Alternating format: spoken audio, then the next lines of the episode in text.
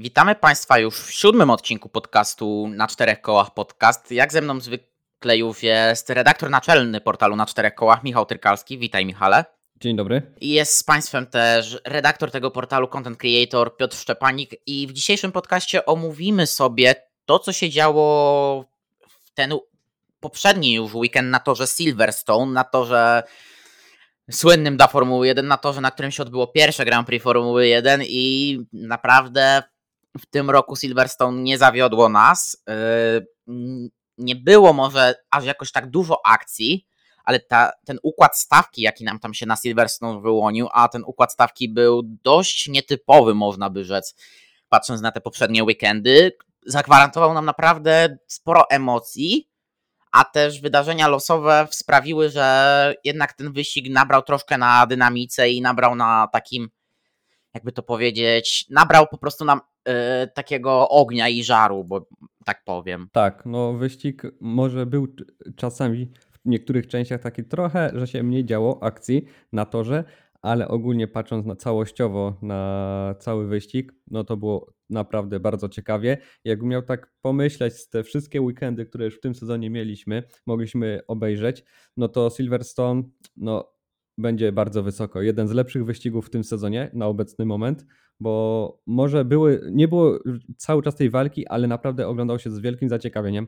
Start bardzo fantastyczny, gdzie było już sporo walki. To, że Verstappen stracił pierwsze miejsce na rzecz Lando Norrisa, to już było czymś wspaniałym, bo słychać było kibiców w sumie, jak się cieszyli na widowni właśnie z tego, że Brytyjczyk jest na pierwszym miejscu i potrafił przez te 3-4 okrążenia jechać na prowadzeniu. Wiadomo, że później już DRS został włączony, no to musiał zostać wyprzedzony przez Maxa, ale tak czy siak, no bardzo fajny był start też, nie tylko z początku stawki się działo, ale też niżej, w środku, gdzie też było sporo walki.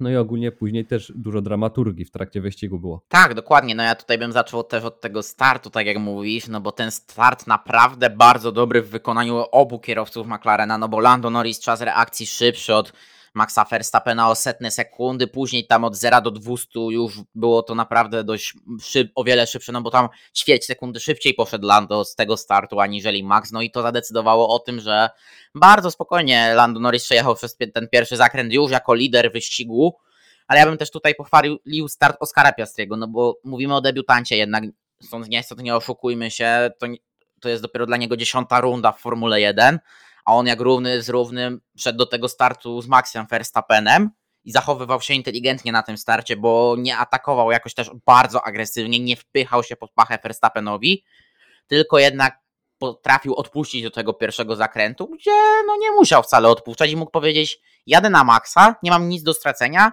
ale jednak, jednak Oscar wiedział, że lepiej odpuścić, umocować się na trzecim miejscu jechać sobie spokojnie na tym trzecim miejscu bez większego problemu i takiej, bez takiej większej jakby też bez większego zagrożenia z tyłu, no bo Charles Leclerc dość dobrze tam bronił się przed George'em Russellem i tamował te ustawki, przez co trzeci Piastri mógł sobie naprawdę spokojnie jechać i też czasami nawet podgryzać Lando Norrisa, bo nawet mówiłem, że w tej pierwszej części wyścigu myślałem, czy McLaren nie zagra na taki manewr, yy, czy na przykład nie zamienią Oscara z Lando, i tuż po chwili McLaren powiedział nie, okej, okay, Lando, Oscar, Oscarowi, powiedzieliśmy Oscarowi, że trzymał swoją pozycję, gdzie ja myślałem, Jezus Maria, dla mnie Piastri jest szybszy, jeszcze puśćcie Piastriego, spróbujcie mu dać troszkę te, te dwa, trzy okrążenia z przodu. Tak, y, w sumie tak można było pomyśleć. Też na początku myślałem, że Oscar może wyprzedzić tego Lando, bo widać było, że miał lepsze tempo, ale później jednak po informacji też już było widać, że Lando jednak chyba to tempo miał już trochę lepsze, bo jednak też w jakimś stopniu się oddalił od Oscara, ale co do samego startu, to Oscar naprawdę tak inteligentnie się zachował. To raz, że lepiej też wystartował niż Max, to jedno, ale dwa, że potrafił nie wchodzić tak w ten zakręt ostro, że jednak pojechał bezpiecznie, bo wiedział, że jest jeszcze cały wyścig przed nim i jest bardzo dużo do ugrania, więc nie było sensu się pchać i możliwe, że wyeliminować siebie i Maxa. Więc zagrał to bardzo, bardzo na spokojnie. No i się opłaciło ale też pokazał, że debiutant, który dopiero jest po 10 wyścigła, po wyścigach, a umiał już z taką z dużą inteligencją, z takim spokojem przejechać to pierwsze okrążenie, bo inni kierowcy mogliby tego nie zrobić. Chociażby Max w zeszłych latach, jak walczył z Luisem o mistrza, no to w tych zakrętach na samym starcie no różnie się działo pomiędzy nimi i Max zazwyczaj nie odpuszczał, tylko tak właśnie wjeżdżał i trzeba mu było zostawić miejsce.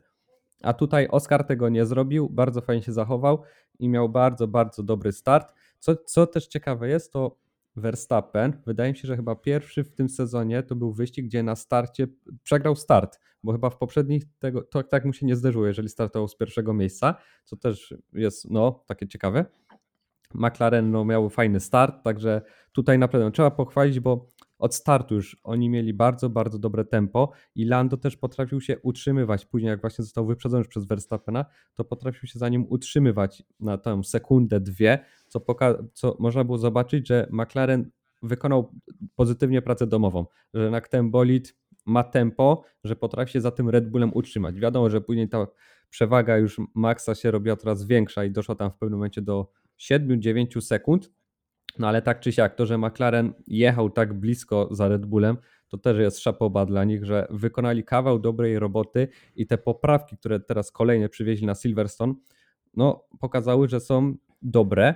Co też ciekawe, Oscar też nie miał tego wszystkiego co Lando, bo z tego, co można było zobaczyć, mm, jedna część chyba skrzydło, Oscar miał to ze starszej generacji niż Lando, a to była jedna dziesiąta sekundy jeszcze właśnie miała, była różnica między tym w czasie. Więc tutaj też pokazuje fajnie, że Oscar mimo, że nie miał identyko takiego samego bolidu jak Lando, to potrafił jechać bardzo blisko też niego. Dokładnie tak, no tutaj mm, Lando Norris dostał te skrzydła nowe, o których mówisz, no Oscar Piastri tych skrzydeł nie dostał, dostanie je dopiero na Węgrzech najprawdopodobniej, a na Węgrzech Lando dostanie też nowe, nową mechanikę w tym bolidzie, no bo ta mechanika ma być też zmieniona. Jeszcze pamiętajmy, no bo to Wielka Brytania dopiero była drugą z trzech części poprawek McLarena przed przerwą wakacyjną. Na Węgry będzie przywieziona mechanika, która tak naprawdę w pełni dopiero zadebiutuje na SPA, jak dostanie ją Oscar Piastri, więc przed przerwą wakacyjną ten McLaren jeszcze naprawdę nam się troszkę wzmocni, więc trzeba naprawdę tutaj na to uważać, ale tak, no McLaren bardzo dobry wyścig, bardzo dobry weekend, bo to trzeba też powiedzieć, Lando Norris P2 w kwalifikacjach, Oscar Piastri P3 w kwalifikacjach, no ja nie pamiętam debiutanta, który kwalifikował się tak wysoko, kwalifikował się w pierwszej trójce. No ostatnim takim debiutantem był Lewis Hamilton, myślę. Tak, tak. no w sumie z, z, tych wszystkich sezonów teraz ci debiutanci wszyscy, jak sobie tak pomyśleć, to właśnie Lewis Hamilton, jedyny taki debiutant chyba, że miał pierwszy sezon jako debiutant i no miał bardzo, bardzo dobry sezon, że wszedł też z takiego wysokiego poziomu od razu. Pokazał się, że to jest kierowca, który no, pokaże wiele, no i jak widać pokazał. I tak samo to, co pokazał teraz Oscar. Dostał dobry bolid, no i od razu trzecie miejsce w kwalifikacjach. Też stracił około dwóch dziesiątych sekundy tam było jakoś stracił do Lando, także no to bardzo, bardzo bliziutko. A gdyby właśnie miał to skrzydło takie jak Lando, to nie wiadomo, czy by nie był lepszy od niego. No ale jak na debiutanta, to od czasów Luisa wydaje mi się, że to jest najlepszy debiutant w sezonie. No i nie zdziwię się, jak Oscar będzie miał możliwość zdobyć w tym sezonie jeszcze podium, bo McLaren jeszcze nie przyniósł wszystkich poprawek, a widać, że te poprawki działają i no obecnie McLaren taka druga siła po tym weekendzie, więc tutaj może się dużo wydarzyć i Oscar może jeszcze mieć jedno podium w tym sezonie. Zgodzę się z tobą, że Oscar Piastri może mieć jeszcze to jedno podium w sezonie, bo nie ma powodu, czemu nie miałby mieć. No naprawdę jedzie bardzo dobrze i nie ma tutaj jakiegokolwiek e, przeciwwskazania, żeby tak było. No tak naprawdę ten wynik Oscara Piastriego to czwarte miejsce jest najlepszym wynikiem dla debiutanta od Grand Prix Stanów Zjednoczonych 2015 i Maxa Verstappena, no, który zdobywał to miejsce czwarte dwukrotnie w sezonie 2015 w barwach Toro Rosso. O właśnie, w sumie też z debiutantów to Max Verstappen w sumie, także się też z takiej dobrej strony pokazał. No ale tak, no Oscar naprawdę tutaj fantastycznie pojechał i wiesz, teraz możemy jeszcze zobaczyć to, że McLaren po poprawkach idzie do góry, a reszta zespołów, czyli Mercedes, Aston czy Ferrari, no tak trochę teraz słabiej Aston jest teraz w takim dołku już od paru wyścigów. Mercedes niby trochę teraz gorzej, ale jednak to tempo dalej trzymają i potrafią walczyć właśnie tak jak Louis, że zdobył to podium, czy Russell, który też był wysoko. Także Mercedes taką trzecią siłą się wydaje, Ferrari taka czwarta, ale też właśnie teraz po tych lepszych paru wyścigach teraz mu przy taki gorszy i wydaje się, że taki McLaren i Mercedes no to takie top 3 z Red Bullem teraz na obecny moment są zespołów. Masz rację, tak. Tutaj się zgodzę z Tobą. McLaren, Mercedes i Red Bull. To jest taka top 3. Nie mówię to tego w takiej kolejności, no bo jest no, oczywiście na czele Red Bull. Później jest McLaren. Ja powiem, że McLaren jest teraz na drugim miejscu. Będzie już, bo naprawdę, jeżeli te poprawki, które przywiozą jeszcze na, na Węgrzech, one zadziałają, to może być naprawdę grubo w McLarenie i tak naprawdę ta Belgia może być pokazem siły. I tutaj pokaz siły, jaki będzie, przeniesie się na Monce na Moncy McLaren no, może wylecieć już nam w powietrze i ja nie zdziwię się, jeżeli na Moncy powtórzą to, co było w roku 2021. Oj, w sumie, gdyby tak się powtórzył ten wyścig w tamten weekend, byłbym przedumny. Tylko teraz jakby tak Lando mógł wygrać w sumie swój pierwszy wyścig. Jejciu, ale to był fantastyczny moment dla kibiców właśnie całej ekipy McLarena. O kurczę, ale no wiesz co, powiem Ci, że po tych ostatnich poprawkach jest to możliwe, że McLaren jeszcze właśnie tak wyskoczy, dostanie taki fajny lot już do góry i ta druga, trzecia, wiadomo, też Mercedesa też trzeba się obawiać, no bo to jednak Mercedes, ale no McLaren może wtedy skoczyć już do takiej topki ścisłej i że będzie walczył i na tym podium, właśnie tak jak na początku widzieliśmy Verstappena, Hamiltona i Alonso, tak może być teraz, że będziemy widzieli właśnie Verstappena, Norrisa i Hamiltona, bo w sumie się nie zdziwię, jakbyśmy takie trio widzieli, no albo Oscara Piastriego też. Ja postawię na Oscara Piastriego. Okej. Okay. Zdobędzie podium, ja jestem tego pewien, ale i tak mi się wydaje, że jednak Lando będzie częściej na podium już. Ciekawe, ciekawe powiem ci, ale na pewno wiesz, Lando będzie częściej na podium, chyba że Oscar pojedzie na przykład na takiej Moncy bardzo dobrze, bo Je... Oscar Monce zna. Tak, jest to możliwe. W sumie Oscar, właśnie Oscar pokazuje, że jest naprawdę bardzo dobrym kierowcą, zna ten tor, co też wiadomo, nie wszystkie to tak teraz, no to też nie znał tego toru, innych też jeszcze nie zna, więc na nich może być trochę na takiej. Nie, nie no przepraszam, Silverstone znał e, Dobra, no, ale ten, ale są tory, na których nie jechał jeszcze, to może być tak, że mm, będzie trochę gorzej mu, ale wiesz, ale w sumie ma treningi, kwalifikacje, to przez ten czas zapozna się na tyle, że wydaje mi się, że w wyścigu może też pokazać Lando co potrafi, a sam Lando przecież mówił jakiś czas temu, że Oscar go naciska od samego początku, jak się sezon zaczął, że jest bardzo blisko niego i nie ma żadnej takiej wolnej jakiejś strefy, że on sobie może tak trochę wychillować, że ma tą przewagę, tylko cały czas jest ten nacisk od Oscara, że mu siedzi na tych plecach. No i siedzi na tych plecach i siedzi bardzo skutecznie. Tak, i to jest najważniejsze, że McLaren w końcu, jak już mają ten bolid teraz dobry, to mają też dwóch dobrych kierowców, a nie tak to było za czasów, wiesz, jak Daniel jeździł, że w sumie to Lando musiał walczyć o punkty i się bić z innymi zespołami, a teraz mają tego Oscara, debiutanta, który przywozi punkty i McLaren w końcu może walczyć, no, żeby być wysoko w klasyfikacji, bo to jest też najważniejsze. Myślę, że piąte miejsce jednak w tym sezonie to będzie maksimum, chyba że naprawdę McLaren tak przyspieszy, że wiesz, będzie dowoził ci weekend w weekend po 30 punktów, po 30-35 punktów, a Mercedes, Aston i Ferrari będą miały takie weekendy słabe, no to wiesz, nadrabianie 20 punktów na weekend to może jeszcze się skończyć tym, że gdzieś McLaren naprawdę się zakręci w okolicach tego wicemistrzostwa świata konstruktorów. Wiesz co, powiem Ci, że Red Bull pierwszy to wiadomo, drugi będzie Mercedes, bo do innej opcji nie widzę. Aston, no tutaj może będzie to trzecie, ale Ferrari no, jest w takim dziwnym położeniu, że spokojnie Ferrari jest do prześcignięcia przez McLarena i może ten Aston też. Także tutaj no, Ferrari i Aston muszą się pilnować, bo McLaren może ich dogonić i wyprzedzić nawet. To tak A wiesz czemu Aston jest do prześcignięcia? No, mów, mów. Bo silniki Mercedesa? Nie. Aha, bo jeden kierowca tylko. Przecież tam jeździ, to jest e, Fernando Alonso Aston Martin e, Aramco Cognizant Formula One Team, czy Aramco Aston Martin Cognizant, oni mają tylu tych sponsorów, że już się gubię, ale no gdyby nie Lance Stroll, to Aston Martin był teraz spokojnie na drugim miejscu w klasyfikacji konstruktorów i wiesz, byśmy nie prowadzili takich debat. No tak, wiadomo, że to jest to, że Aston ma jednego kierowcę, no ale wiesz, tak samo jest właśnie to, że Mercedes ma dwóch kierowców, no to jest wyżej, bo jednak Fernando miał ten problem, żeby walczyć z Mercedesem, ale to samo było jak w McLaren jeździł Ricciardo i Lando musiał walczyć z Ferrari. No to też ostatecznie Ferrari wygrało i było wyżej, miał wyższą pozycję niż McLaren, no ale przez to, że właśnie McLaren miał tylko jednego kierowcę. Także teraz jest to samo. No i to jest, wiesz, nie zdziwię się właśnie jak Aston Fernando straci tą pozycję przez to, że tylko on zdobywa te punkty. No bo Ferrari ma dwóch kierowców, no ale właśnie, zdarzają się takie wpadki jak teraz, że dojeżdżają na końcówki, na końcówce top 10 i tych punktów, ile tam, trzy punkty na przykład zdobędą. Trzy No to- punkty. Williams zdobył więcej punktów w ten weekend postacią Alexa Albona.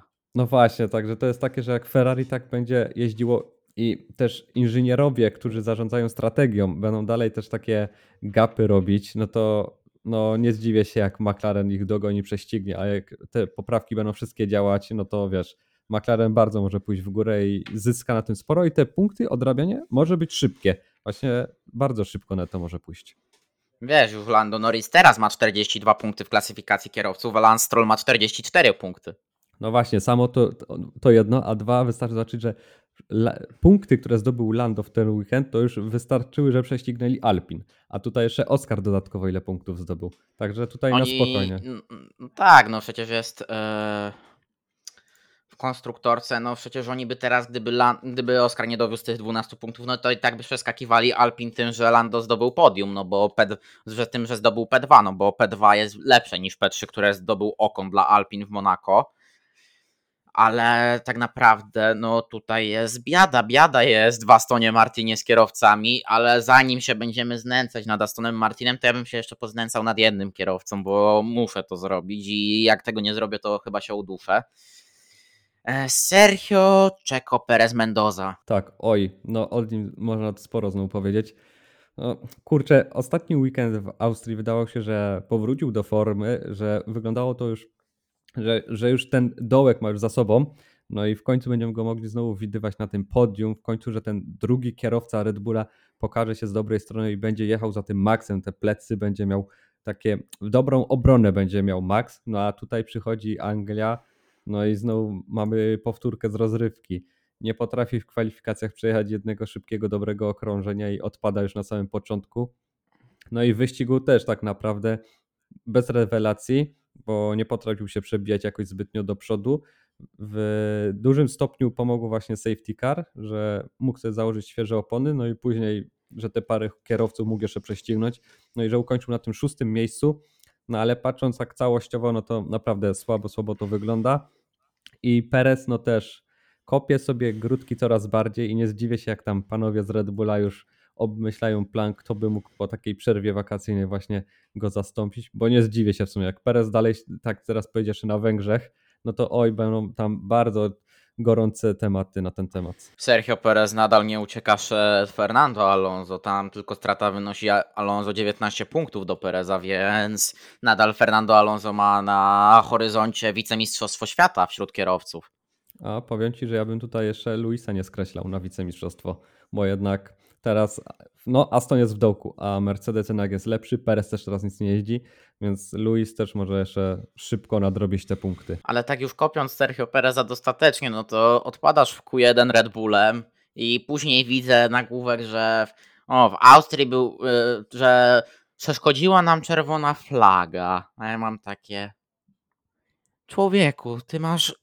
Y, nie będę używał tutaj pewnego słowa, bo chcemy trzymać ten podcast troszkę bez słów z rynsztoku.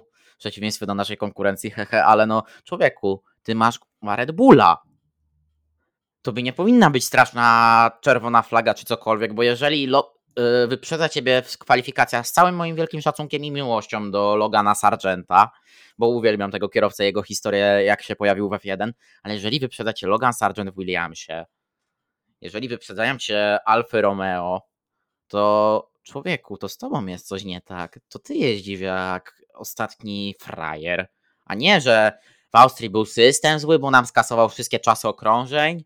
Tutaj była zła czerwona flaga. No, tory były złe, szyny były złe, podwozie było złe, wszystko było złe. No, tym mogę to skończyć, bo Sergio Perez zachowuje się jak prima donna ballerina, która myśli, że jest fantastyczna, no tylko wszystko jest przeciwko niej. No nie, nie wszystko jest przeciwko Sergio Perezowi, po prostu Sergio Perez, cytując klasyka, jest do dupy. Przepraszam za to określenie, ale no taka prawda. No tak, on w sumie cały czas szuka wymówek, że to źle poszło, że tamto źle, że miał pecha, że mu się nie udało przejechać jakoś lepiej, a tak naprawdę on pokazuje, że no teraz no jest słabym kierowcą jak jeszcze te początkowe lata w Red Bullu wyglądały, że było ok, że taki drugi, idealny drugi kierowca, tak teraz no, pokazuje Perez, że totalnie nie ma podjazdu i jeżeli by miał wylecieć po tym sezonie z Formuły 1, to się wcale nie zdziwię, bo są lepsi kierowcy i ciężko by mu było znaleźć miejsce nawet w jakiejś takiej słabszej stajni, by był. Nawet tak porównując go do, go do Bottasa, który jeździł w Mercedesie.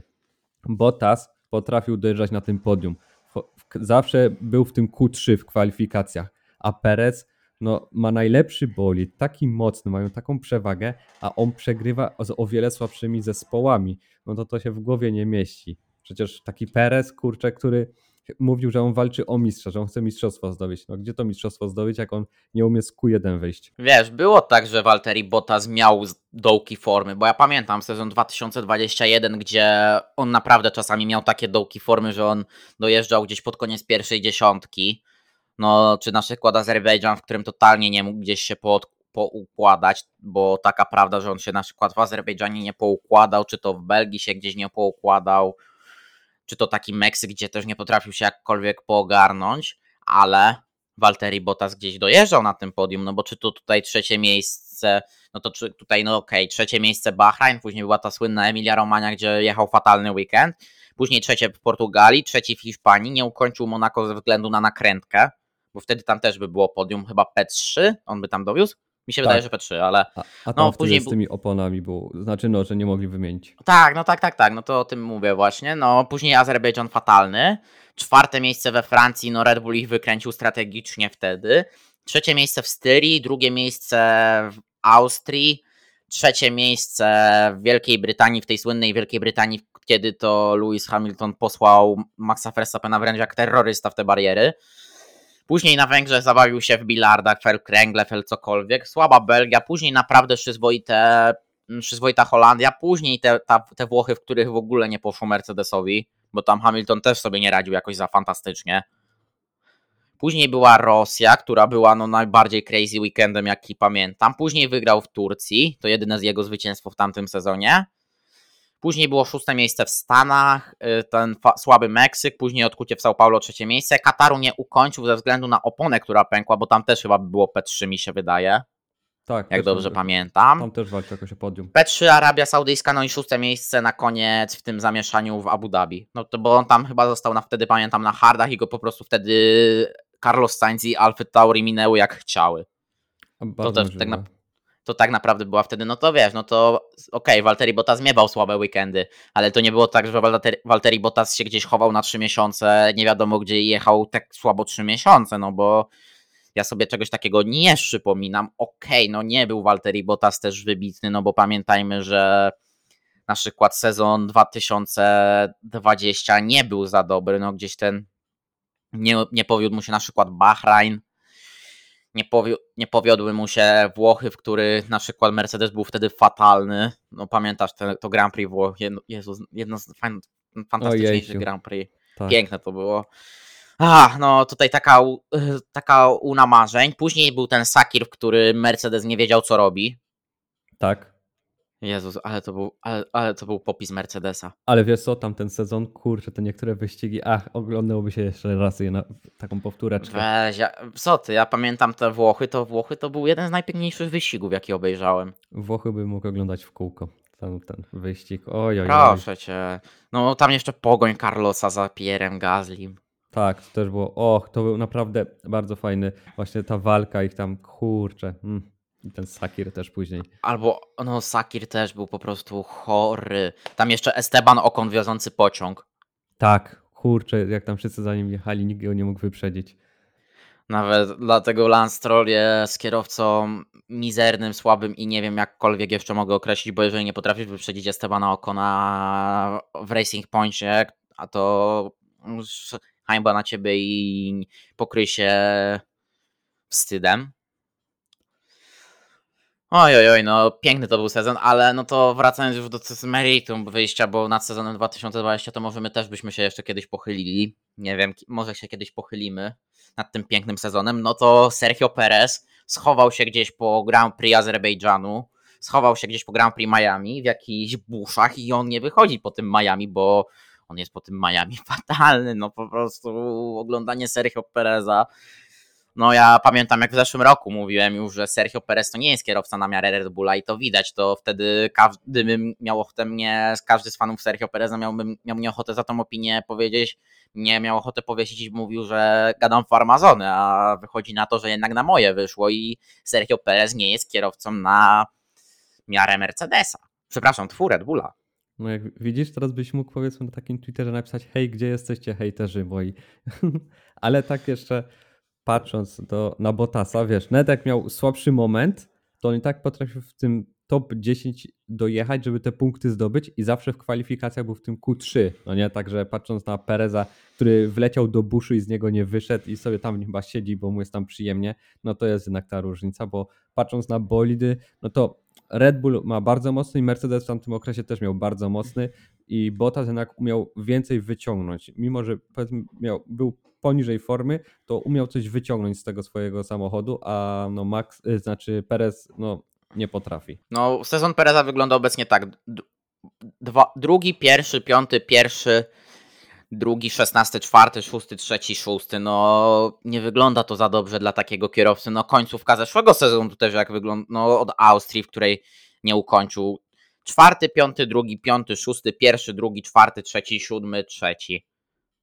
Czy uważasz, że to są wyniki na miarę kierowcy Red Bulla?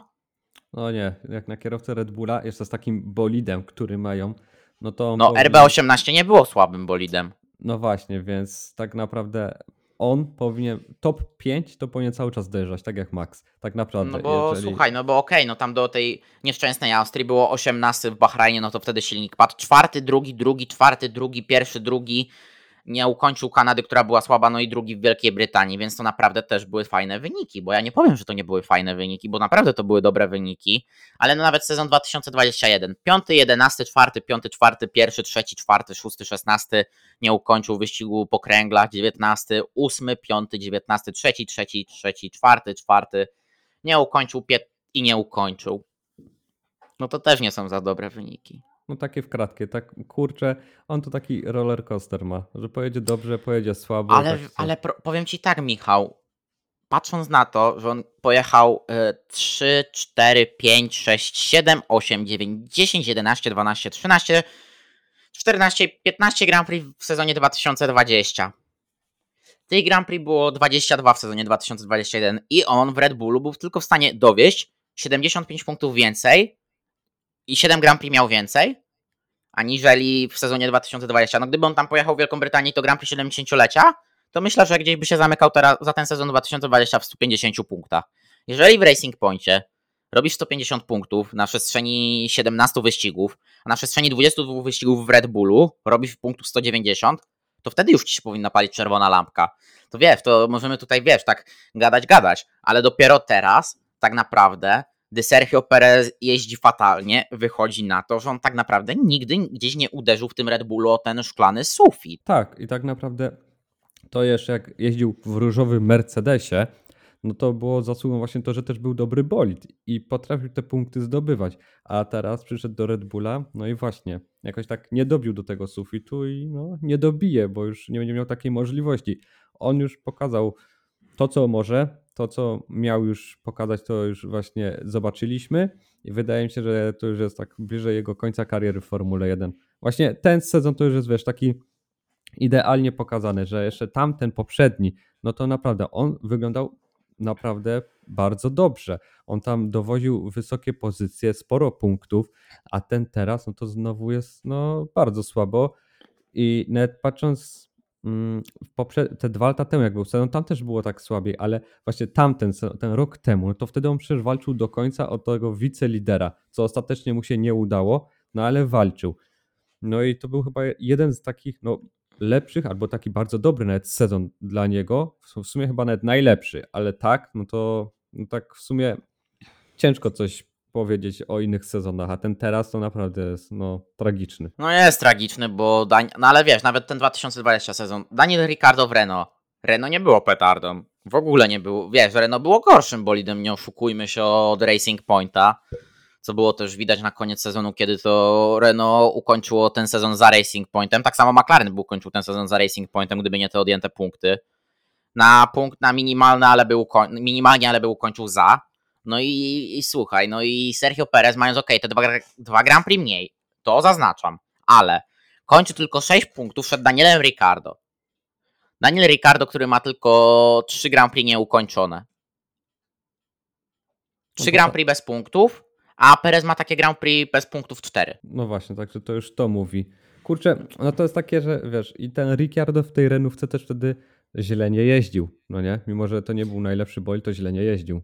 Wiesz, Ricardo w Renault to jeszcze był kierowca na poziomie wbrew pozorom. Tak, to były chyba jego ostatnie takie czasy, gdzie Ostatni podryk.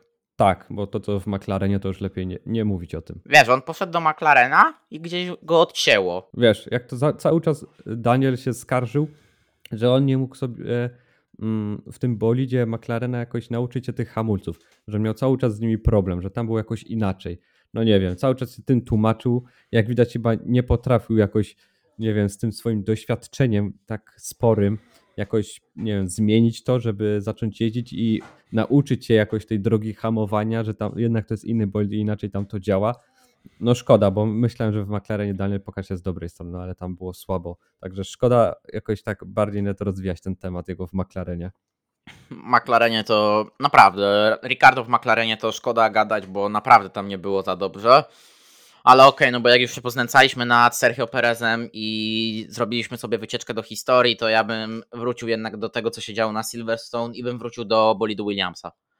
Do FW45 konstrukcji. Jejciu, naprawdę, te poprawki, które przywieźli do Williamsa i ma już i Alex Albon i Logan Sargent, no to naprawdę wielkie wow. Bo zespół odżył. Po prostu widać, że ten zespół odżył i już nie są, nie są najgorszą ekipą w stawce, bo spokojnie już wyprzedzają Hasa, Alfa Tauri, no i Alfa Romeo. Także to już jest no szapoba, bo to już naprawdę sporo zyskali, to co nawet było w tamtym sezonie. No i Alex Albon znowu kolejny raz pokazuje bardzo dobre tempo i, i pokazuje, że zasługuje na lepszy zespół. I nie zdziwię się, jak on będzie takim łakomym kąskiem na rynku i jakiś zespół postara się go może na przyszły rok, może będzie ciężko, ale wyciągnąć go właśnie na przyszły rok. No i Logan Sargent, który też bardzo bliziutko był punktów, kurczę. No szkoda, że mu się nie udało, bo 11 miejsce, niewielka strata do Sainza, ale z taką formą w sumie bolidów Williamsa, no to Logan też spokojnie w top 10 jeszcze zakończy w tym sezonie i zdobędzie swoje pierwsze punkty. Tak, i ja powiem ci tak, ja się nie spodziewałem, że ja tak naprawdę stanę się sympatykiem Williamsa, ja będę temu Williamsowi tak kibicował, no bo Alex Albon w Williamsie dostał tę szansę, którą dostał Pierre Gasly w Alfie Tauri, której nie dane mu było zasmakować po tym epizodzie w Red Bullu, bo wtedy opinia polska publiczna, przepraszam, że ja tu zaatakuję, ale ten podcast też ma być taki, no nie ma być tak naprawdę tak na, między Bogiem a prawdą i, że tak brzydko powiem, lizanie się po wszystko, po wiadomo czym, a tylko mm, obiektywne mówienie. Gdzieś wtedy też sobie o tym cicho myślałem, a szkoda może, że Albon nie dostał tej szansy drugiej w Formule 1, ale w polska opinia publiczna tak naprawdę była nakręcana przez, mi się wydaje, pewnych dwóch panów z podcastu, że Albon jest kierowcą słabym, Albon jest złym kierowcą i grillujmy tego Albona, Albon po prostu za wcześnie wskoczył do tego Red Bulla moim zdaniem i po prostu wtedy Albon był za wcześnie w tym Red Bullu. I to samo się stałoby teraz mi się wydaje z Yuki Tsunodą, że kolejny kierowca by został przepalony, a Alex Albon po, re, po kuracji w Williamsie, po renowacji, no bo mogę powiedzieć, że, ta, że to już jest półtora sezonu renowacji dla Albona, on pokazuje, że to jest kierowca na poziomie, że on w tym Williamsie dowozi takie wyniki, że ten Williams jest naprawdę dobry i nie wiem, czy to jest sprawa tego, że w pierwszym sezonie za teammate'a miał fatalnego Nicolasa Latifiego, a w drugim sezonie ma chłopaka, który tak naprawdę we F2 nie najeździł się, bo pojechał tylko jeden sezon i teraz już jest na najwyższym poziomie i musi się dopiero wjeździć. Przepraszam. Czy to jest to, że Albon naprawdę jest dobrym kierowcą i nawet jest większym kierowcą talentem niż Pierre Gasly? Wiesz, tak patrząc nawet na to, dobra, Albon może nie ma super jakiegoś kolegę, partnera zespołowego, bo albo Latifi, a teraz jest Sargent, który dopiero też zaczyna swoją przygodę z Formuły 1, ale patrząc na to, z jakimi Albon może konkurować kierowcami w Formule 1 i tym, w jakim on jeździ bolidzie, a jakie też bolidy umie pokonać, to już samo to pokazuje, że on jest naprawdę dobrym kierowcą. I to, że on był w Red Bullu, to było za wcześnie, jednak to był tak sezon, wydaje mi się, za wcześnie, bo gdyby nie to, to naprawdę jeszcze wtedy Red Bull miałby naprawdę super kierowcę i mógł być takim bardzo dobrym drugim kierowcą dla Maxa. No ale stało się jak stało. On w sumie jak miał tę przerwę od Formuły 1 i jeździł w DTM-ie, to on tam w sumie już no, jeden sezon, a się naprawdę tam pokazał z bardzo dobrej strony. Wtedy jak z Liamem Lawsonem jeździł. Oni naprawdę no, we dwójkę z super strony się pokazywali i tam było widać, że Albon jednak potrafi, ma to coś i umie się ścigać i zdobywać no, wysokie pozycje. Wiadomo, są tacy, co narzekali na niego i mówili, że Albon to jest słaby kierowca, nic z niego nie będzie. No ale on teraz tak naprawdę idealnie zamyka wszystkim usta i pokazuje, że wszedł do Williamsa, który początkowo nie był najlepszy, a on umiał z niego naprawdę 110% wyciągnąć w tamtym sezonie. A teraz, gdy ten Williams no, jest jeszcze lepszy, no to albo już naprawdę na takim poziomie, jak jeździ, no to kurczę, no jest naprawdę bardzo, bardzo dobrym kierowcą i patrząc do Gazliego, nie wiem, Gazli to był taki kierowca, że naprawdę on się w tym Alfa Tauri spisywał bardzo dobrze przecież, bo on miał ten czas, że naprawdę i na to podium potrafił dojechać i walczyć nawet w tym top 5, żeby się znaleźć, a tak jak tamten sezon, to on tak jakby opuścił te loty, no i teraz na razie w tym Alpin też nie widać jakoś takiego super, nie wiem, żeby się uwolnił od tej rodziny Red Bulla i żeby miał się pokazać z jakiejś dobrej strony. Trochę tak przygas, ale wydaje mi się, że to jest jeszcze takie, musicie, nie wiem, może taki rok na przejście, żeby się zapoznać z tym zespołem, z tym Boydem, no i może w przyszłym roku będzie lepiej, chociaż trochę tak patrząc, to wygląda to tak jak Ricciardo w McLarenie. Można by tak troszkę pomyśleć. Powiem ci tak, można tak pomyśleć, że to trochę taki Ricardo w McLarenie. Eee... Powiem ci tak, trudno gdzieś jest mi to oceniać, bo nie wiem tak naprawdę, co mam sądzić na temat tego Piera Gasly'ego w tym Alpin, bo jest to trudny temat, tak szczerze, do oceny. No tak, no kurczę, powiem ci, że mi się wydawało, że Gasly jak wejdzie do tego Alpin, to że naprawdę, znaczy wiadomo, on dowozi jakieś te pozycje, bo nie można powiedzieć, ale to i tak sporo jest takich wyścigów, że powinien więcej osiągnąć, a to mu się nie udało. No i teraz pytanie, czemu tak się dzieje? No bo Okon no potrafi już w tym sezonie pokazać, że umie dowieść wysokie pozycje i to Alpin też w pewnym momencie się wydawało, że no te poprawki są fajne i że ten bolid naprawdę jest szybki. A tutaj tak naprawdę ten Gasly jakoś tak, no nie wiem, no czegoś tak jakby mu brakuje. No nie wiem, no, no ja tam jeszcze czekam i zobaczę, no może ten sezon, żeby tak jakoś tym nowym zespole zobaczył się, nauczył i może przyszły będzie taki lepszy, no bo teraz tak, kurczę, no tak ciężko, ja go lubię, a tak no z oceną by tak było słabo u niego na ten moment. Masz rację, no gdzieś mi trudno trochę ocenić e, tego Piera Gazliego, ale no ja tak jeszcze sobie sprawdzam, tutaj klikam i sprawdzam, no wracając już do samego tematu Williamsa, no Alex Albon w DTM-ie pokazał, że ogarnia jazdę, bo no okej, okay, skończył między innymi za Liamem, Liamem Lawsonem, którym debiutował w tejże serii, ale no Liam Lawson tak naprawdę w tej GT, w tym Ferrari GT3, on, w tej GT3 od Ferrari, on się odnalazł fantastycznie. Ja po dziś dzień się zastanawiam, jaki to, ja, co on tam miał w tym bolidzie, że on w tym bolidzie jeździł jak, no jak rakieta, no bo się nie oszukujmy, że to on tym, że on miał, przepraszam, w jakim bolidzie, co on miał w tym Ferrari, że on jeździł jak rakieta, bo naprawdę, no tego chłopaka ja bym zobaczył jeszcze czy to w GT3, czy to w Hypercarach, bo szkoda, że on powiedział, że po, po tym, co się stało na Norris Ringu, on odchodzi z GT3 na Amen, bo no, ten chłopak po prostu jeździł jak marzenie dla mnie i pokazuje to fakt, że on naprawdę, no, wygranie trzech wyścigów w DTM-ie, w, tam, w tym DTM-ie, który był naprawdę DTM-em bardzo mocno napakowanym, wygranie dwóch wyścigów w ten sam weekend, no zdobycie raz, dwa, trzy, cztery, czterech pole position, gdzie wtedy no Kelvin van der Linde też tak jechał, ale Kelvin van der Linde był już naprawdę wymiata, wy, starym wyjadaczem GT trójek, no bo taka prawda, że to był już naprawdę stary wyjadacz GT trójek, no to robi to wrażenie. I gdzieś myślę, że naprawdę no tutaj czy to Liam Lawson, czy Alex Albon pokażą, pokażą jeszcze swój talent. Alex Albon mam nadzieję już poza Williamsem, a Liam Lawson pokaże w Formule 1 w ogóle ten swój talent. No i cóż, i Williams naprawdę bardzo dobrze jeździ i tak już słowem yy, podsumowania Williamsa, może nie na Hungaroringu, ale na Spa już powinni dostać tą swoją kolejną szansę na zdobycie punktów, a po spa będzie Zandvoort po przerwie wakacyjnej, okej, tam nie, ale Monza. Tak, tam znowu będzie bardzo ciekawie, bo jednak na tym torze ich bolid spisuje się dobrze. W sumie to było widać rok temu na przykład. No i nie wiem też właśnie, czy Williams ma mieć jeszcze jakieś poprawki, czy nie, ale po przerwie wakacyjnej mi się wydaje, że właśnie te wyścigi, w sumie ta, ta Belgia też może być taka pozytywna dla nich i wydaje mi się, że właśnie po tej przerwie wakacyjnej ten Williams no może tych punktów jeszcze trochę pozdobywać. Powiem Ci tak, nie było nic mówione na temat tego, jak poprawki mają wyglądać w Williamsie, więc zobaczymy. Tak, czyli no tutaj musimy czekać. A co jeszcze do Liama Lawsona?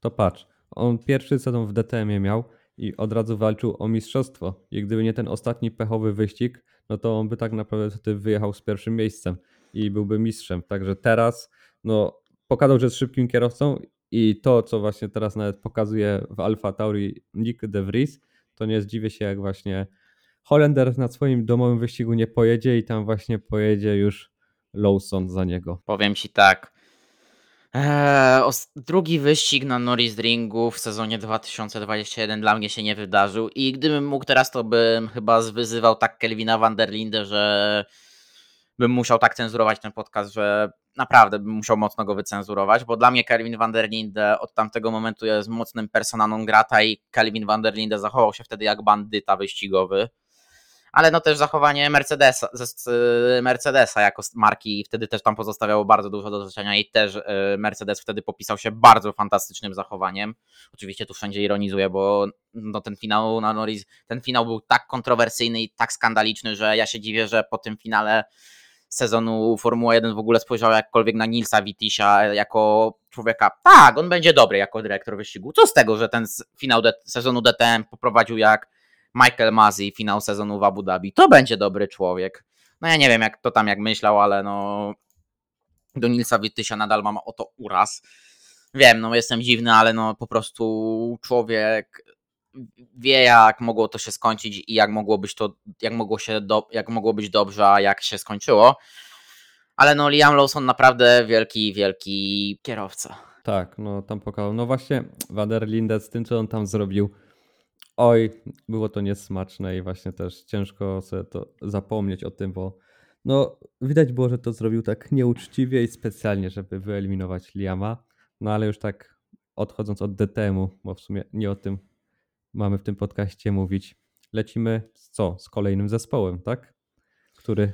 No lecimy, lecimy z kolejnym zespołem Ferrari.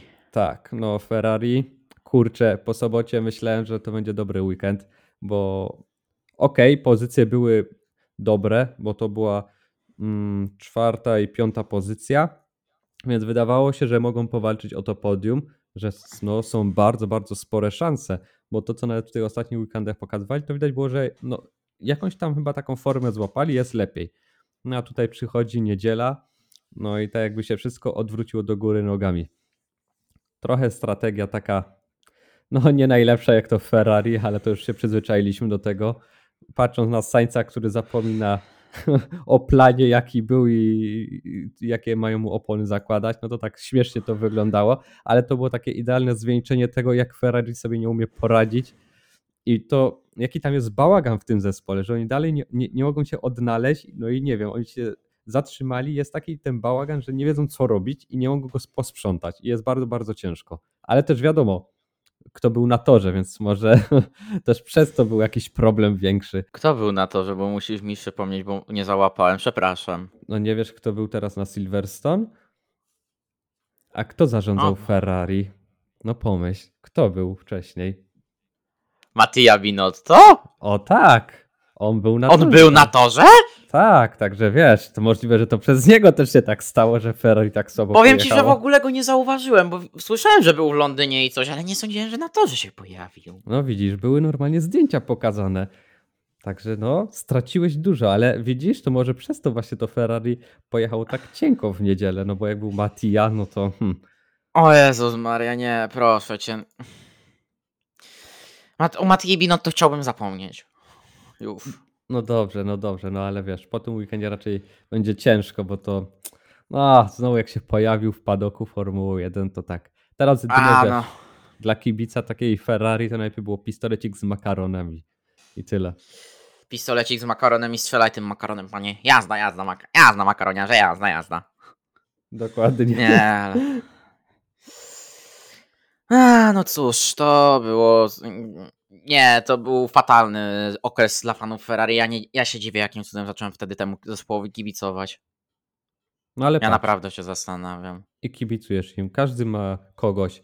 Ty, teraz, ty wiadomo, mm, wszyscy się do kibiców Ferrari już chyba musieli przyzwyczaić, że oni przeżywają taki regres cały czas i że ten Ferrari nie umie wskoczyć na jakiś taki wyższy poziom. Oni też jakby dobijali do jakiegoś pułapu i odbijają się od tej ściany i spadają znowu. I tak jest w kółko, ale nie mogą wyjść na tego mistrza. No i tutaj mi się wydaje, że tak będzie cały czas, chociaż no nie wiem, ale takie słowa powiem teraz, że nowa teraz od 26 roku, jak będzie zmiana, znowu nowa koncepcja wszystkiego, to że wtedy Ferrari, no, może być takim konkurencją na mistrza. Ale to tak, no, powiem sobie, ale można zapamiętać te słowa. Jesteś bardzo, no, ale to naprawdę bardzo optymistyczny. Oj, powiem ci, że tam co nieco wiem, to. Także wiesz, A, może to powiem Ferrari. ci tak, napra- naprawdę to były, są mocne słowa optymizmu z twojej strony. Ale wiesz, może tak być, bo będzie nowe bolidy, więc może to Ferrari w końcu się ogarnie. No powiem ci tak, ja tam widzę to Ferrari, że i ten Leclerc, jak nie odejdzie, no to że on tam tego mistrza zdobędzie. To tak, Słuch- słuchaj, Ferrari, które się ogarnie, to już jest śpiewka od nie wiem ilu. ale wiesz, może w końcu nadejdzie ten czas, że to Ferrari będzie miało taką możliwość. Wiesz, ja tylko mówię, możemy za te trzy lata wrócimy do tego podcastu i zobaczymy, czy mówię dobrze, czy nie. Ja ci już mówię teraz, że nie. Myślisz? No dobrze, no to, to zobaczymy, no. Muszę złamać twoje serce. Nie, niestety, nie. Ferrari nie ma szans. Słuchaj, no gdyby Ferrari potrafiło jakkolwiek jechać, no. to chyba by jakkolwiek się odbuduje i będzie jakkolwiek jeździć, to ja chyba będę musiał odciąć sobie język. O kurczę, no to tak za 3-4 lata, oj, nie zdziwiłbym się, jakbyś musiał to zrobić. Eee, raczej tego nie zrobię, bo Ferrari nie, nie będzie tak dobrze jeździć. No dobra, to zostańmy przy tym, że nie będzie. Ja jestem tego pewien. Można mnie oceniać, ale ja jestem tego pewien, bo to jest Ferrari. No tam by musiał wejść naprawdę kto, musiałby wejść człowiek, który by zac- zaczął to trzymać i bo ten weekend był fatalny i to jest podsumowanie tego, co się dzieje w Ferrari, myślę. I Hasa i Al- na Hasa, Alfa Romeo i Alfa Tauri ja bym spuścił kurtynę milczenia. Tak, o, o nich to ciężko w ogóle coś mówić, bo to, co pokazali w ten weekend, to jest dramat, dramat, dramat. Szkoda coś w ogóle się wypowiadać na ich temat, bo wszystkie te zespoły są bez formy. Alfa Tauri, Alfa Romeo znowu pokazują, że poprawki, które wprowadzają do bolidów, nic nie znaczą.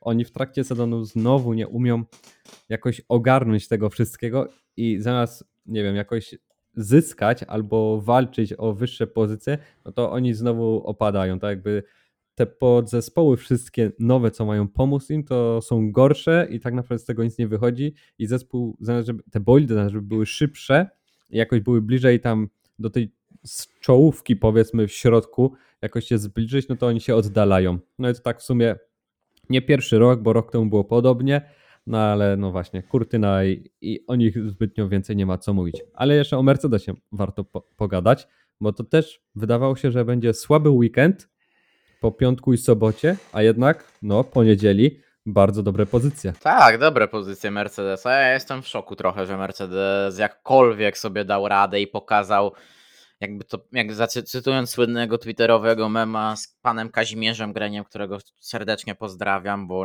ciepła osoba. Ruda małpo, ja jeszcze żyję. I to by I było na rud- tyle, hehe. Tak, ruda małpo, ja jeszcze żyję. Mercedes pokazał, że poszedł w górę i poszedł, stał jak, stał jak Feniks z popiołu, był, mógł zaśpiewać Rise Like a Phoenix i powiedzieć ja żyję, ja potrafię jeździć. Lul, e, Lewis Hamilton, Jezu, ja chciałem powiedzieć Lulu Hamilton. I widać, jakie mam szanowanie do Louisa Hamiltona, poważni eksperci. Proszę Tak. Państwa. Poważni eksperci, którzy mają szacunek do Louisa Hamiltona. Nie, ale już, już odkładając śmieszki na bok, no to Lewis Hamilton po tej, słab- po tej średniej sobocie wstał, podniósł się, otrzepał i pojechał po, po podium. kolejne w tym sezonie. Szedł własną publicznością, a wiemy jak Lewis Hamilton kocha, kocha stawać na podium na Silverstone, jak to celebruje bardzo gromko, bo pamiętamy sezon 2021, no ohydną celebrację. No ja miałem ochotę wtedy po prostu pójść do toalety, otworzyć klapę od, e, otworzyć klapę od CD, od e, kompletu WC i drogą, e, drogą ust po prostu zwrócić zawartość swojego żołądka, bo było to tak ohydne i po prostu mnie tak to zmierziło, ale no celebruje bardzo mocno i widać, że był szczęśliwy. George Russell, piąte miejsce, też przyzwoicie, no jednak gdyby nie te męczarnie z Charlesem Leclerciem, ten wyścig by wyglądał inaczej. Tak, no ale wiesz, musimy też pamiętać, że był ten safety car. On też dużo jednak pozmieniał. Wiadomo, tutaj był plus właśnie dla Luisa przez to, że on nie zmieniał wcześniej tych opon, więc tutaj w trakcie, gdy był safety car, miał darmowy pit stop, no i to też mu pozwoliło, żeby był na tym podium, ale ogólnie wyścig pojechał dobry, bo miał dobre tempo. Jak wiadomo, początku nie miał super, bo tam jednak stracił kilka tych pozycji, jak wyleciał poza tor, ale później szybko umiał je nadrobić i później z okrążenia na okrążenie, no jechał naprawdę przyzwoitym tempem i potrafił się zbliżać do Sainza wtedy. Mm, później wiadomo, że tam właśnie kierowca Ferrari zjechał na wymianę opon, więc Hamilton miał w sumie taki bardziej pusty tor dla siebie, więc sobie jechał na spokojnie. No a później wiadomo, piękna walka jeszcze z Lando na sam koniec i to była przepiękna walka, do tego tak czysta. Oni tam się nawet w ogóle nie dotknęli. Naprawdę, takie walki można oglądać na każdy weekend Grand Prix, bo to jak oni tam pojechali, widać było, że walczyli jak się da, ale zosta- był ten dystans taki, że sobie zostawili, żeby się nie rozwalić. No naprawdę, to było coś pięknego. No i na końcu mogliśmy dwóch Brytyjczyków widzieć na podium. Także Luis zaczynał słabo weekend, a zakończył chyba najlepiej jak się da, bo wywiózł sporo punktów, no i to, że Mercedes na obecny moment no jest trzecią siłą i to pokazał, że zbytnio nawet jak może mieć gorszy weekend, to i tak umie wywieźć sporo punktów i zdobyć dobre pozycje. Bo po sobocie raczej nikt nie myślał, że będzie tak wysoko. A tutaj proszę bardzo. Jest podium, Russell na piątym miejscu, no i kolejna dobra zdobycz punktowa. Także no, tutaj ten Mercedes też fajnie, fajnie się pokazał. Dokładnie, no Mercedes, wow bardzo, dobre, bardzo dobra dyspozycja. Tak, no dla, bardzo fajnie w ogóle było widać Mercedes, McLaren, wiesz, wiadomo, Mercedes już w tym roku zdobywał podia, ale tak fajnie takiego Mercedesa i McLarena widzieć razem, bo to są takie fajne zespoły, które ze sobą fajnie walczą i właśnie ta walka Lando i Luisa, dla mnie zawsze jak oni walczą między sobą, to to są takie walki no bardzo ciekawe i interesujące, że chce się na nie patrzeć, bo zawsze między nimi jest taka walka do samego końca, żeby wycisnąć jak najwięcej się da, ale nigdy nie ma jakichś problemów, że oni się rozwalą, czy coś między nimi stanie, czy jakiś kontakt będzie, tak jak pomiędzy Maxem czy Luisem. Także tutaj, no, jak jest możliwość. Pełna kulturka jest. Tak, dokładnie. No tutaj kulturka jest na najwyższym poziomie i to się ceni, i to jest właśnie bardzo fajne. No i samo to,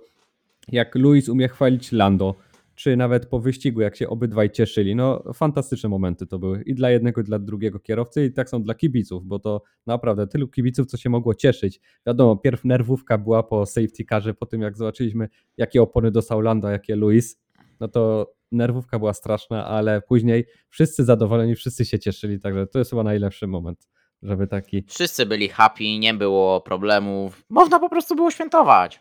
Tak, no i wiesz, od kurczę, ile lat temu ostatni raz dwóch Brytyjczyków stało na podium. Eee, 98 rok.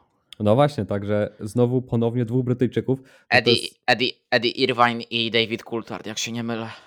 Tak, no to wiesz, to jest fantastyczna wiadomość i jednak no fajnie to było zobaczyć właśnie dwóch Brytyjczyków cieszących się i też był taki fajny obrazek, jak Lando się cieszył z Luisem, a Max tam z tym swoim, mm, z tą osobą tam, co odbierała trofeum dla zespołu jako za wygrany wyścig. I to było takie fajne, no, że ci Brytyjczycy się tak fajnie razem trzymają. I kurczę, szkoda, że nie ma, ale chciałem tak Lando z Hamilton i Luisa zobaczyć w jednym teamie, chociaż tak na rok. Oni też by mogli fajnie sobie pojeździć, sporo punktów pozdobyć, albo taki Lando jakby jeździł za Russella w Mercedesie. O, to też by było fajne, bo jednak Russell widać jest dobrym kierowcą, ale czasami jednak ma problemy takie do Hamiltona mimo że są w jednym zespole i powinien się cieszyć z tego, co Hamilton też dowozi, jakie punkty i jakie miejsce miał tak jak teraz. Ciekawa to jest wizja, ale trochę masz w tym racji, nie powiem, że nie. Tak, no bo na przykład ci powiem, że Russell podobno powiedział, no, że to Piastri powinien być na podium. I wcale tak Hamiltonowi się nie należało. Więc wiesz, jeżeli jesteś masz partnera zespołu i mówisz, że mu się nie należało podium, no to to jest takie trochę niefajne. No Russell pokazuje już nie pierwszy raz, że jest zadufany w sobie, taki typowy brytol i tak zbytnio myśli tylko o sobie. Żeby, najważniejsze to, żeby on zdobył jak najwyższe podium, żeby było jak najlepiej, a reszta to się nie liczy. Hmm, powiem ci, że to jest ciekawe, ale no trochę ma w tym racji. Tak, no a jakbyś tak głębiej się... Senior Russell. Co, a jakbyś tak głębiej jeszcze popatrzył, to no... Ale to wiesz co, to z George'em to już było widać w Williamsie też. On tam już pokazał w pewnym momencie, że nawet jak jeździł z Robertem, że jednak Robert to niby jeździ z nim, ale to jest dla niego przeciwnik w sumie, a nie partner zespołowy i w sumie liczy on tylko na siebie i nic więcej. No i tutaj w Mercedesie jest podobnie. To w sumie już nie pierwszy raz, bo w tamtym sezonie było tak samo, jak jeździł z Luisem, gdzie Luis czasami jechał po wynik dla zespołu, a George chciał walczyć sam dla siebie, żeby zdobyć jak najwięcej punktów. Dokładnie i chyba myślę, że tym akcentem Mercedesa możemy zakończyć ten podcast, bo ja nie wiem, czy jest jeszcze coś do omówienia, chyba, że chcesz o czymś jeszcze powiedzieć. No, w sumie zbytnio żadnych newsów jeszcze się nie dowiedzieliśmy, nic takiego ciekawego jeszcze nie wyszło. Wyścig był na tyle interesujący, że no, można by było jeszcze o nim porozmawiać, no ale nie będziemy gadać cały czas, bo to podcast nie będzie trwał wiecznie. Także ja się cieszę z tego, że Lando i Luis są na podium. To jest dla mnie chyba takie najbardziej jestem happy z tego, także fajnie to wygląda. No i oby tak się utrzymało na kolejne Grand Prix, będzie ciekawie. Fan McLarena w ekscytacji, fan Ferrari w żałobie. Tak, tak. I tak będzie jeszcze na kolejne Grand Prix. Ale mi to nie przeszkadza. No ja już się po prostu przyzwyczaiłem do tego, ale pamiętajcie, że w, te, w tym tygodniu jest Goodwood. Ja naprawdę Goodwood polecam. Oj, tak. To tam no. będzie troszkę autek F1. Lamborghini pokazuje swoje LMDH, o czym też pewnie będę mówił po, później w tym tygodniu, w tygodniu w motorsporcie. Tydzień w motorsporcie będzie nagrywany najprawdopodobniej przed prezentacją Lamborghini, zostanie wypuszczony już po prezentacji, więc no kocham to jak to jest, ale no da, czas na zmontowanie też musi być. tak, ale ogólnie no Goodwood bardzo fajna seria i warto, warto się, jak ktoś nie wie, to zapoznać się z nią, bo też to jest taki fajny Festiwal. Dni, tak, taki festiwal właśnie, żeby zobaczyć jakie tam samochody są, czy właśnie czasami przedstawiają coś nowego i kierowcy też, którzy tam jeżdżą, czy zabytkowymi samochodami, bolidami. Także naprawdę to jest taki fajny czas, który można tam spędzić i warto też chociaż raz tam udać i zobaczyć to na żywo. Oj tak, naprawdę tam można zobaczyć tyle aut. Stare auta Formuły 1, nowe auta Formuły 1, LMP2, LMP3, LMDH na przykład były też pokazywane. No też pamiętajmy, są auta, też jest ta, taka słynna wystawa na, na Goodwood, na której się pokazuje auta. No na przykład w zeszłym roku BMW tam było, było pokazane nowe M Hybrid V8, wtedy było pokazane M1 Procra, był pokazany BMW 3.0 CSL, było pokazane V12 LMR, które jest naprawdę fantastycznym autem, bo jak ktoś był w Muzeum BMW w Monachium, co bardzo serdecznie i gorąco polecam, no to można sobie, no to można sobie zobaczyć tam, jak to wygląda i zobaczyć to BMW V12 LMR praktycznie na własne oczy, dotknąć nawet, no, czy to BMW M3 DTM z roku 2012 i dotknąć, poczuć, sprawdzić, zobaczyć. No, zrobić jeszcze co siekolwiek chce, naprawdę, bo mówię, że tutaj można zrobić jak co się chce. Można też zobaczyć na przykład coś takiego jak McMurtry Sperling, no to chyba tak się mówi, irlandzkie auto no, Max Chilton w zeszłym roku jechał i pobił rekord. Tam szedł poniżej 40 sekund jako pierwszy kierowca w ogóle, więc no niesamowite autko. Może jeździ, no produkuje tak naprawdę docisk z wiatrakami pod nim, więc no piękne, piękne autko. No obok IDR coś niesamowitego. Tak, no naprawdę te samochody tam jeżdżą. No warto, warto, jeszcze raz warto, bo na co dzień tego nie zobaczymy, a tam jest naprawdę bardzo duża możliwość zobaczyć ciekawe cztery kółka. Tak, ciekawe cztery kółka, ciekawe auto. Ja jestem ciekaw, co będzie w tym roku na wystawie. Tak, no, ale to już się dowiemy za niedługo w sumie, nie? No tak, no mi się wydaje, że nawet na dniach powinniśmy się dowiedzieć. Nawet nie, nawet nie w czwartek, a już wcześniej, bo trzeba jakoś jeszcze to przygotować, tę, wysta tę wystawę. Na przykład na tej wystawie były między innymi bolidy Formuły 1 Renault, to rok 2002, tak. W 2005 Honda wystawiała też bolidy Formu z Formuły 1, bardzo, no te swoje najsłynniejsze. I czasami jest to, że no jednak te już kilka dni wcześniej wiemy, co tam się pojawi, na przykład z pojazdu, bo już no, marki dane tam informują też, że coś będzie wystawione i będzie można zobaczyć, albo że jakiś przejazd będzie. Tak, no coś niesamowitego, naprawdę. No ja polecam, bo no po prostu Goodwood to- Goodwood i trzeba zobaczyć i trzeba sobie nawet śledzić. Nie trzeba siedzieć przed e- ekranem i ciągle oglądać co jeździ, ale naprawdę no nawet highlightsy z danego dnia zobaczyć i sobie pooglądać to co jeździ. Goodwood w ten weekend, w ten weekend także IndyCar, co, co też polecam do oglądania. Też na polskich torach się trochę dzieje, w Kielcach kolejny Super OS. Jeżeli ktoś nas słucha z Kielc, to będzie można mnie spotkać na tym Super OS-ie najprawdopodobniej, więc można podbić, robić zdjęcia, cokolwiek, więc pewnie też jeszcze będę o tym mówił w tygodniu w motorsporcie, ale tutaj też już mówię. No i co? No i ja zapraszam na social media Michała, Tyrkus62S na końcu, Twitter, Instagram, moje social media, Szczepanik Omoto, Facebook, Instagram, Twitter, yy, na YouTubie też jestem dostępny, no na Spotify'u mam też troszkę, ale do, to z tej autopromocji już tyle. Yy, Małpa na czterech, Twitter, Instagram naszego portalu, na czterech kołach na Facebooku, tak samo grupa na Facebooku. Na czterech, ko- na czterech kolach.pl można nas czytać. Yy, Właśnie już dzisiaj, jak nagrywamy podcasta, to jest poniedziałek, już się pojawiło nasze podsumowanie Grand Prix Wielkiej Brytanii. Jak podcast wyjdzie, też już pewnie będą dostępne oceny redakcji jak słuchacie, więc też zachęcamy do przeczytania tych ocen. No i cóż, ja dziękuję bardzo Tobie, Michale, za dzisiejszy odcinek. Ja również dziękuję bardzo. Eee, I życzymy miłego weekendu z tym, co z tymi wyścigami, jakie będą i do usłyszenia. Do usłyszenia.